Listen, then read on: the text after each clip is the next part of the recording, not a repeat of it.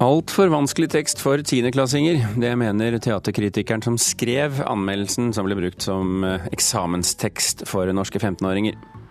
Fabio Biondi går av som eh, dirigent for Stavanger symfoniorkester. Og oppsetningen av Shakespeares 'Stormen' ute i naturen på Vibrandsøy i Haugesund ganske så magisk, mener vår anmelder. Og Fredagspanelet skal diskutere dansetyveri, skam og handikapidrett. Du hører på Kulturnytt. VGs teateranmelder er helt enig med landets tiendeklassinger i at teksten hennes ikke egner seg som eksamenstekst for 15-åringer. De siste par dagene har debatten gått høyt i norske medier etter at Aftenposten fortalte om årets norskeksamen for tiendeklasse, som mange ikke skjønte et dugg av. Og minst av alle skjønte de som eksamensteksten var beregnet på eh, skarpe observasjoner om maktorganse og opportunisme. Hadde du kunnet forklare denne teksten, og gitt tips til hvordan en kan forstå den? Uten å google? Ja, kort sagt hele den kompakte majoriteten i det han kaller vårt neokapitalistiske lykkeland. Teksten kommer fra ei teatermelding av Ibsen-stykket En folkefiende, som tiendeklasseelevene Marius Gaupseth og Jens Ruud Bunkholt samt 18 000 andre elever fikk på norskeksamen på tirsdag. Da jeg leste den teksten første gang, så tenkte jeg jo litt sånn Hæ, hva Er det noe jeg ikke forstår, er det bare meg, eller Jeg følte meg nesten litt dum. Jeg følte kanskje jeg burde vise dette siden altså jeg hadde gått gjennom det eller noe. De var ikke alene om å synes det var for vanskelig. Og ei rekke lærere har engasjert seg i debatten. En av dem er Lisbeth Gundersen. Jeg ble sint. Jeg ble rett og slett sint på deres vegne. Nå reagerer òg melderen som står bak teksten, Borghild Måland. Og da blir presentert en, en, anmeldelse som forutsetter at kanskje folk har et forhold til Ibsen og et forhold til akkurat det stykket. Man, man forventer jo at de som er interessert i å lese den anmeldelsen, faktisk uh, gjør det fordi de kjenner til tematikken i uh, En folkefiende. Og det syns jeg ikke man kan forvente av alle landets tiendeklassinger. Altså. Hun mener oppgavene er både pretensiøse og jålete. Høytidelig, litt jålete. Altså at det skal være litt, eh, ja, litt høytidelig da. Men samlet sett, i en anmeldelse av et stykke som de kanskje ikke har forhold til, så vil det absolutt være, kanskje være for vanskelig for dem. Det er læreren enig i. Disse elevene, deres første offentlige eksamen, det er altså møte med en ubegripelig tekst skrevet av en intellektuell for intellektuelle. Man tenker jeg, jeg skjønner ikke det her, er jeg dum? Lite psykologisk, tenker jeg for de som har kokt i hop dette mølet, for jeg kaller det det. Det er Utdanningsdirektoratet som har ansvaret for eksamensoppgavene. Og direktør for vurderingsavdelinga Sissel Skillinghaug sier den vanskelige teksten ikke trengte å bli tolka av elevene. De blir jo ikke bedt om å forklare de vanskelige begrepene. De blir derimot bedt om å uh, vennlig forklare til en medelev hvorfor det kan være vanskelig å forstå den teksten. Likevel vil direktoratet ta kritikken til følge til elever som har syntes at dette har vært så vanskelig at, de har, at det har gitt dem en dårlig opplevelse, så er vi lei oss for det. Hvis det viser seg at denne teksten har vært så vanskelig å forstå for elevene at ikke de klarer å svare godt på oppgaven, så er det noe vi vil ta hensyn til i sensuren. Vi kan justere oss når vi snakker med sensorene litt ut i neste uke. Eh, så, så vil vi se hvordan elevene har tatt imot og vil kunne gjøre justeringer. Elevene på si side håper den vanskelige oppgaven ikke skal ødelegge for karakterene på eksamen. Eh, jeg synes de kan eh, være litt eh, Jeg synes de kan tilpasse seg litt da, når det gjelder de besvarelsene. At de ikke er så strenge, holdt jeg på å si. Reporter her, det var Maria Pile Svåsand. I går snakket vi her i sendingen om skyting i et eh, konsertlokale i New York, Irving Plaza. Og i dag kan vi lese på nettet at politiet har siktet én person. Reporter Petter Sommer, hvem snakker vi om? Ja, politiet mener det er rapperen Troy Ave, en New York-basert rapper dette her, som egentlig heter Roland Collins, som har eh, gått inn i dette konsertlokalet og drept en mann på 33 år. Og Politiet i New York de har også lagt ut en liten video på um, Twitter. og den eh, viser at eh, tre menn eh, kommer inn i dette VIP-området der hvor artistene oppholder seg, og går inn og ser seg ut en person og, og skyter. Um, og uh, denne skytingen skal da ha skjedd etter at rapperen Mayno kom inn uh, backstage da, etter å ha opptrådt sammen med artisten, hold dere fast, uh, ved navn Uncle Murda. Men det er ennå ikke klart hvor, hvor, altså hvorfor denne Troy Avis skal ha skutt. For det, mm, den som døde skal faktisk ha vært hans egen sikkerhetsvakt, skriver eh, nettavisene. La oss snakke om noe hyggelig isteden, Petter. La oss snakke om Disney. In Shanghai, Tomorrowland will offer a thrilling peek into the world of the future, where you'll race a Tron light cycle through the grid and into a one-of-a-kind high-speed Fordi i eh, Kinas største by, Shanghai, så åpner Disneyland om en måned. Eh, Er dette en stor begivenhet for eh, kineserne, Petter? Ja, i hvert fall så slår Aftenposten fast at eh, Kina har Disney-feber. Og korrespondent eh, Jørgen Lone han sier at det er voldsom mediedekning i Kina rundt denne, dette nye Disneyland. Stor entusiasme, men folk reagerer også på prisnivået i parken. For både inngangsbilletten og maten er utrolig dyr for eh, den vanlige kineser. Men vi vet jo i hvert fall at den yngre generasjonen kinesere eh, er jo glad i, i Disney-produkter, eller merkevarer eh, generelt, amerikanske særlig. Mm. Er det uproblematisk for Disney å, å starte en slik park i Kina? Altså Disney er vel kanskje ikke av de selskapene som har størst problemer med å bli godtatt i Kina, for hele konseptet til Disney er jo ikke Det er ikke så skarpe kanter. Nei, det er ikke så skarpe kanter. Men så skriver jo Aftenposten da at det er veldig mange amerikanske selskaper som nå føler seg mindre velkomne enn før.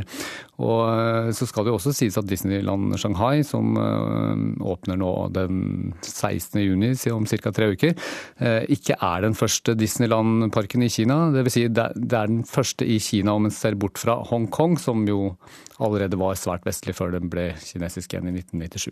Og når åpner denne parken? Ja, det sa vi akkurat. 16. juni. Ah. Du, la oss snakke om, eh, om en bok som er veldig populær å eie. Eh, Vårt Land har skrevet om dette i dag, eh, naturlig nok. Men en bok som samler støv istedenfor å bli lest. Ja, Hva, det- hva snakker vi om da, Vi snakker om den, den boka som vårt land kanskje er mest opptatt av av alle, selvfølgelig Bibelen.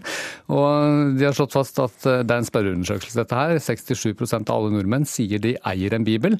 Og dersom du som lytter er en av dem som eier en eh, bibel, så kan du jo spørre deg selv om du har bladd i den det siste året. I så fall så er du blant 18% av Norges befolkning, og det er veldig, eh, eller av de som eier Bibelen. Da. Og det er veldig lite, sier vårt land. Men så begynte jeg å tenke, da, har vi ikke en del bøker i bokhyllene våre som vi aldri blar i? Det får bli artikler i eh, andre aviser i tiden som kommer. Takk skal du ha, Petter Sommer.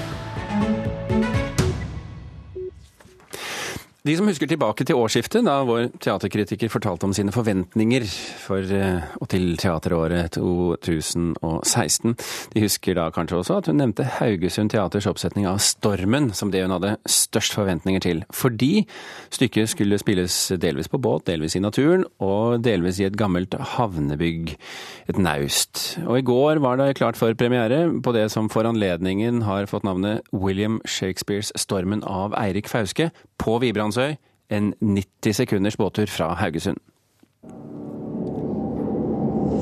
De er nå advart om ei lang pine her på øya. Eit levende helvete skal sunke puste deg i nakken enn ikke går. Og det eneste som gjelder, er hjartans anger og oppriktige løfter. Karen Frøsland Nystøl, teaterkritiker her i NRK. Vi kommer tilbake til hvorvidt dine forventninger ble tilfredsstilt eller ikke. Men la oss begynne med været. Ble det storm på Vestlandet? Nei, nei, det ble ikke storm. Det var sol og en liten vind ifra sørvest. Og utover kvelden så kom toga sigende inn mot Haugesund og Vibrandsøy, og det var jo en helt perfekt setting for akkurat dette skuespillet. Men ikke så mye vind, med andre ord. Nei, det kunne nok ha vært litt mer vind. Sånn, eh, det tror jeg scenografen hadde ønska seg, men det, akkurat det rår man ikke over. Stormen eh, var det siste stykket William Shakespeare skrev. Kan du kort fortelle litt om, om, om innholdet der, og hva det handler om? Det handler om Prospero, som en gang var hertug av Milano, som er blitt forrådt av sine egne, og for flere år siden da sendt ut på havet i båt sammen med dattera si Miranda på tre år. De kommer til ei øy, og Prospero, denne høvdingen, har magiske evner. Miranda vokser opp på øya, og en dag så kommer der en båt forbi, og i den båten er de som forrådte Prospero. Og med sine magiske krefter og med hjelp av ånde og alve så skaper han en storm som får hans forrædere inn til land, og så utspiller det seg et ja, et hevndrama, eller et forsoningsdrama, egentlig, på denne øya. Og det er jo veldig kult at et øydrama faktisk spilles på ei øy på Vibrandsøy. Hva, hva skiller denne oppsetningen Altså Hvis vi ser bort ja, om vi kan det, da, se bort fra eh, det faktum at det er på en øy. Hva skiller denne oppsetningen fra andre oppsetninger av Stormen du har sett? Ja, Det handler jo selvfølgelig mye om naturen, at det spilles utendørs, og at vi er i et naust. Men det er eh, Altså, dette stykket er jo nyskrevet av dramatiker Eirik Fauske, og både handling og det shakespearske er veldig godt tatt vare på, syns jeg. Samtidig som teksten er utfordra. Ord som skyskraperhøgt er ikke noe du forbinder med William Shakespeare, men det, det kom allerede i første replikk her, og det sklir så fint inn og gir motstand og et løft inn mot eh, Shakespeare Shakespeare sin tekst utfordrer, uten å sette Shakespeare til side. Men eh, det spesielle er jo selvfølgelig å bli tatt med på en ikke så lang båttur, men likevel en båttur der man forbereder seg på hva som skal komme. Publikum blir tatt med på ei vandring rundt øya, der vi møter ulike karakterer i viktige settinger, sånne små episoder. Og så tas vi med inn i den, dette naustet, der selve skuespillet uh, utspiller seg. Og det er som å gå inn i Et ganske stort naust, da, må du bemerke. Ja, ja, det er et ganske stort naust. Det er plass til å dra opp flere båter der. Uh, men det er som å gå inn i hovedkarakteren Prosbo, inn i hans tanke og ønske og drømme. Og det er som å være i en drøm å være inni dette naustet. Eh, der naturen og lyset og alt forsterkes ved hjelp av kunstneriske virkemidler som ekstra lys og, og vindmaskin og store stoffstykker som, eh, som folder seg ut. Så det, det ga faktisk det ga meg noe nytt, en helt ny opplevelse av stormen. Jeg har ikke tenkt på stormen på den måten før, som å gå inn i sinnet til Prospero. Dette var altså det stykket du i starten av året hadde aller størst forventninger til. Nå er vi kommet halvveis i året, riktignok, men uh, hva sier du? Og det, det jeg gjetter rett da året startet. Jeg er fornøyd med mine, mine spådomsevner der. Det var veldig fint. Og og det er et stykke som altså Når man spiller det ute, så er det jo mange begrensninger, men de blir mulighetene her. Jeg opplever denne utgaven av Stormen som et stykke med få kompromisser, egentlig. Det er godt skrevet, det er godt spilt, og det er ganske så magisk. Karen Frøsland Nystøyl, takk skal du ha. Det har passert eh, kvart over eh, åtte. Du hører på Kulturnytt, og dette er eh, toppsakene i Nyhetsmorgen nå. Bare to av ti toppledere er kvinner i de 100 største selskapene i Norge. Likestillingsminister Solveig Horne fra Fremskrittspartiet ber næringslivet om å skjerpe seg.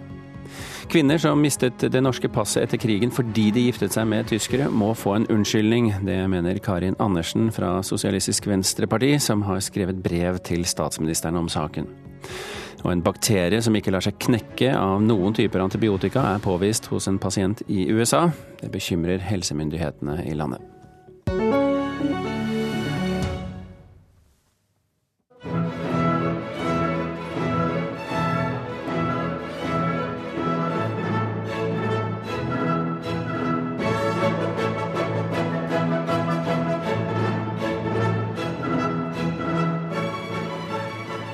Fabio Biondi slutter som kunstnerisk leder for tidligmusikk i Stavanger symfoniorkester etter ti år. To år, år, før kontrakten går ut. Dette er fra gårsdagens konsert med orkesteret, det du hører her, som ble hans siste. Det opplyste orkesterets direktør Morten Varland til publikum etter konserten i går. Biondi går av etter eget ønske, sa Varland. Stavanger Aftenblad meldte sist uke at et flertall av musikerne har stemt for å avslutte samarbeidet med Biondi.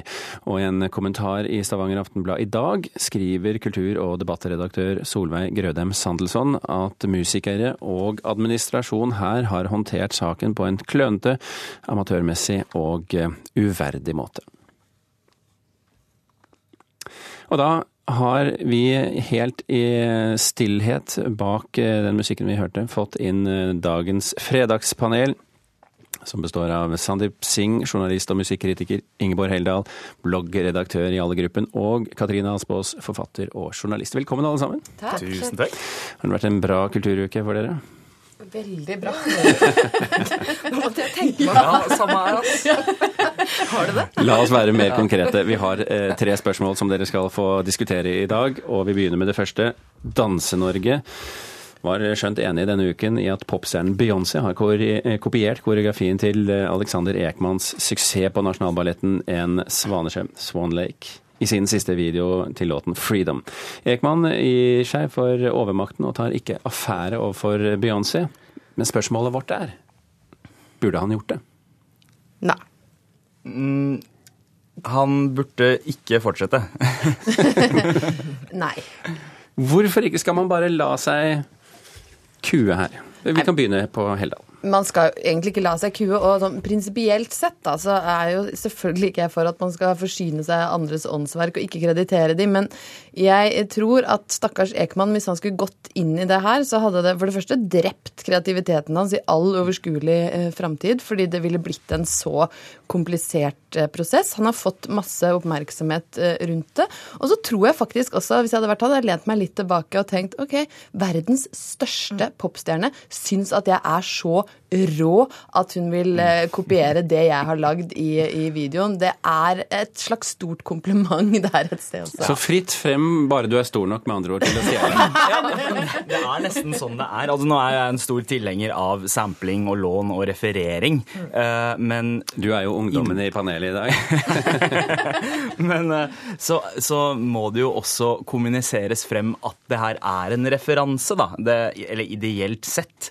Um, nå er, eh, er det jo ikke så mange solskinnshistorier om den lille mannen som har blitt stjålet fra, eh, som ender eh, med en lykkelig slutt. Altså, man har jo denne finske chiptune-artisten som gikk mot Timberland fordi Timberland eh, stjal en bit av hans komposisjon til Nelly Furtado-låt.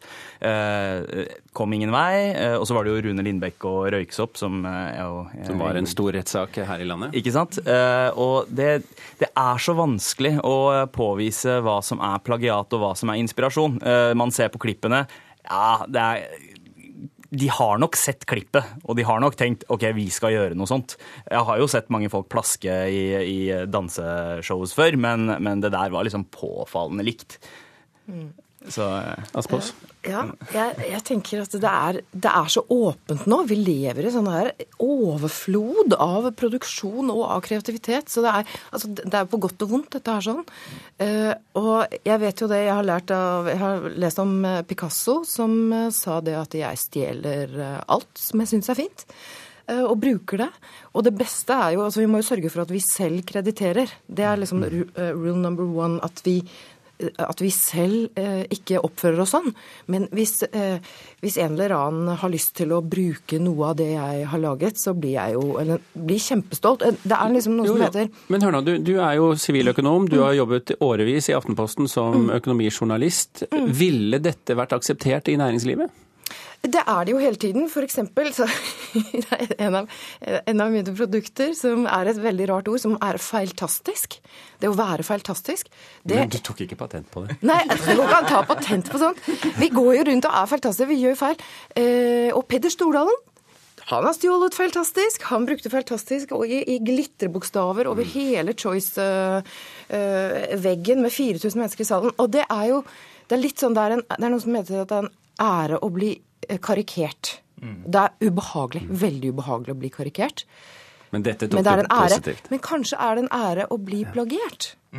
Det er en ære å bli plagiert. Det er litt La sånn vi oss, det. la oss slutte med det som et eh, spørsmål, og så hopper vi til spørsmål eh, nummer to. Det har vært eh, rekord for TV og nettserien Skam her i NRK, med nesten én million unike brukere på nett på det meste, og i snitt ca. en halv million som følger med. Men i en artikkel i Aftenposten så er det en tidligere fan som Eller ja, tidligere fan faktisk, som eh, sier at serien har forandret seg for mye, for det er altfor mange gamle som nå ser på, og, og Forsøker å tekkes feil publikum. Vi skal ha et lite eksempel på det her. Ja, de bruker vel hoke, hok, hokemel, eller hokkemel, ja. Ja, hukemel. Ja, ja. Jeg heter Kari Hansen Tangen, er 81 år gammel, og jeg liker Skam. The Penetrators. Ja, Penetrators. Ja, ja. Det hadde ikke blitt godtatt i min tid. det hadde ikke det. OK. Den av dere som ler minst, skal eh, få eh, første spørsmål. Hvem bør NRK tekkes, 16-åringene eller 81-åringene? Eh, 16-åringene. 16-åringene. Ingen av dem. Nei. Okay. Hvorfor ikke? Nei, altså det å tekkes folk, det er på veldig kort sikt, altså. Her skal vi lage, NRK skal lage et grisebra TV, og det gjør de jo. Skam er det altså den, den største suksessen og det mest relevante jeg har sett på, på TV på veldig, veldig lenge. Eh, og det å skulle ta hensyn til 16-åringers litt sånn eh, såre tær akkurat der, når, det, når dette treffer folk fra 12 til 95 år.